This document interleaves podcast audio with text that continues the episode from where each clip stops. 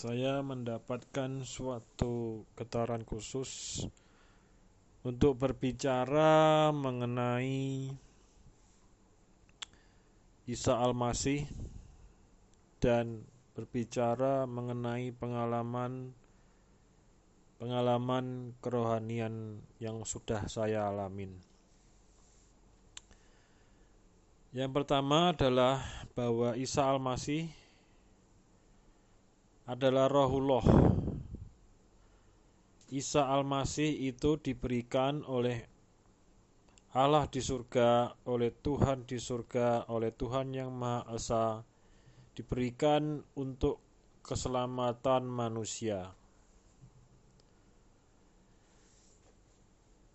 Yang ingin disampaikan oleh Isa Al-Masih adalah bahwa dialah jalan keselamatan yang layak bagi manusia, terutama di saat-saat bencana yang akan melanda dunia.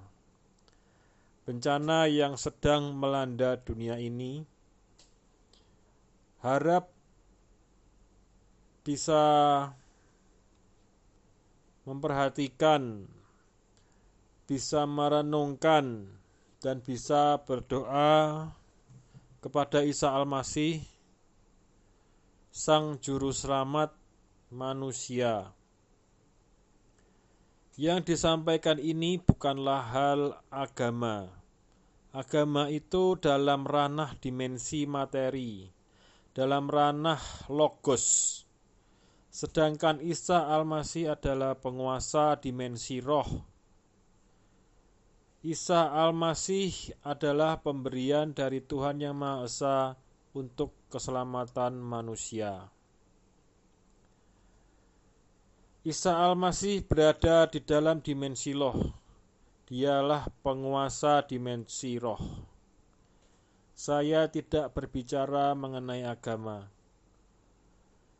Bahwa teknologi surga juga canggih tidak dibatasi oleh dimensi materi, tidak dibatasi oleh ruang dan waktu, tidak dibatasi oleh agama apa pun. Seorang pembunuh pun dapat diubah oleh Isa Al-Masih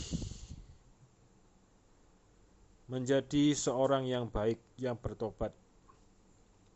Apa pun agama Anda, tidak ada batasan bagi kekuasaan dan teknologi dari surga yang membatasi bahwa teknologi surga itu sangat primitif dan sangat terbatas adalah tipuan dari iblis.